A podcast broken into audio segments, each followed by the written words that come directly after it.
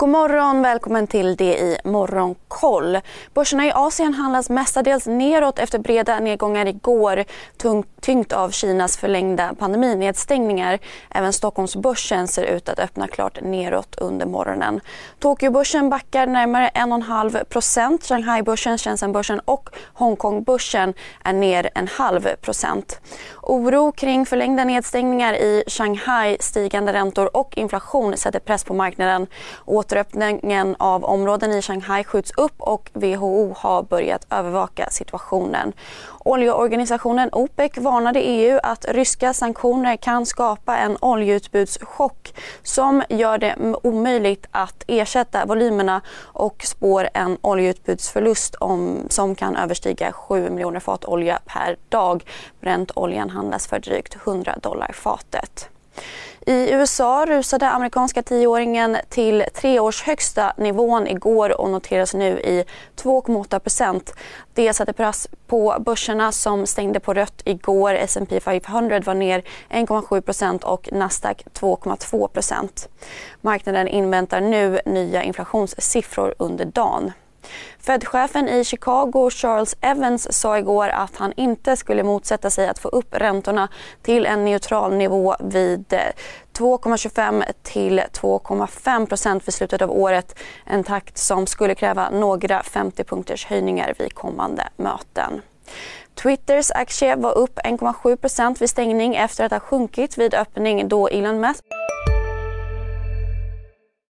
I de sekunderna när jag är i luften så är det en kamp på liv och död. I Spotlights serie Vinnarskallarna minns stjärnorna själva de dramatiska svenska sportögonblicken. Hör Anja Persson berätta om när hon kraschade i OS-backen men reste sig igen. Jag ville vinna över berget. Vinnarskallarna. Nytt avsnitt varje fredag. Sök efter podden Spotlight Musk meddelat att han inte kommer ta plats i bolagets styrelse. I överenskommelsen om en styrelseplats hade Musk gått med på ett tak på sitt ägande motsvarande 14,9% av aktierna. Det nya beskedet innebär att Musk kommer kunna köpa mer aktier i bolaget.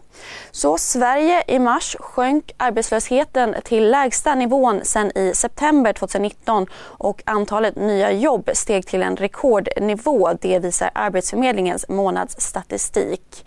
Närmare 355 000 personer, motsvarande 7% av arbetskraften, är inskrivna som arbetslösa. Konsultbolaget BTS grundare Henrik Ekelund lämnar vd-posten efter 36 år. Ekelund föreslås istället som styrelseordförande. Bolagets tidigare USA-chef Jessica Skon har utsetts till ny vd. Fastighetsbolaget Cibus drar tillbaka sitt förslag om att införa ett nytt aktieslag, en D-aktie och istället föreslår styrelsen en ökad utdelning. Bolaget har kallat till en extra bolagsstämma och säger att beslutet att återkalla förslagen har fattats efter diskussioner med bolagets större aktieägare. Under dagen ser vi fram emot rapport från SPAC-bolaget ACQ Bure och såklart amerikansk inflationsutfall där förväntan är att konsumentpriserna ökat med 8,4 procent, det vill säga högsta siffran sedan i december 1981. Missa inte heller Börsmorgon med start 8.45.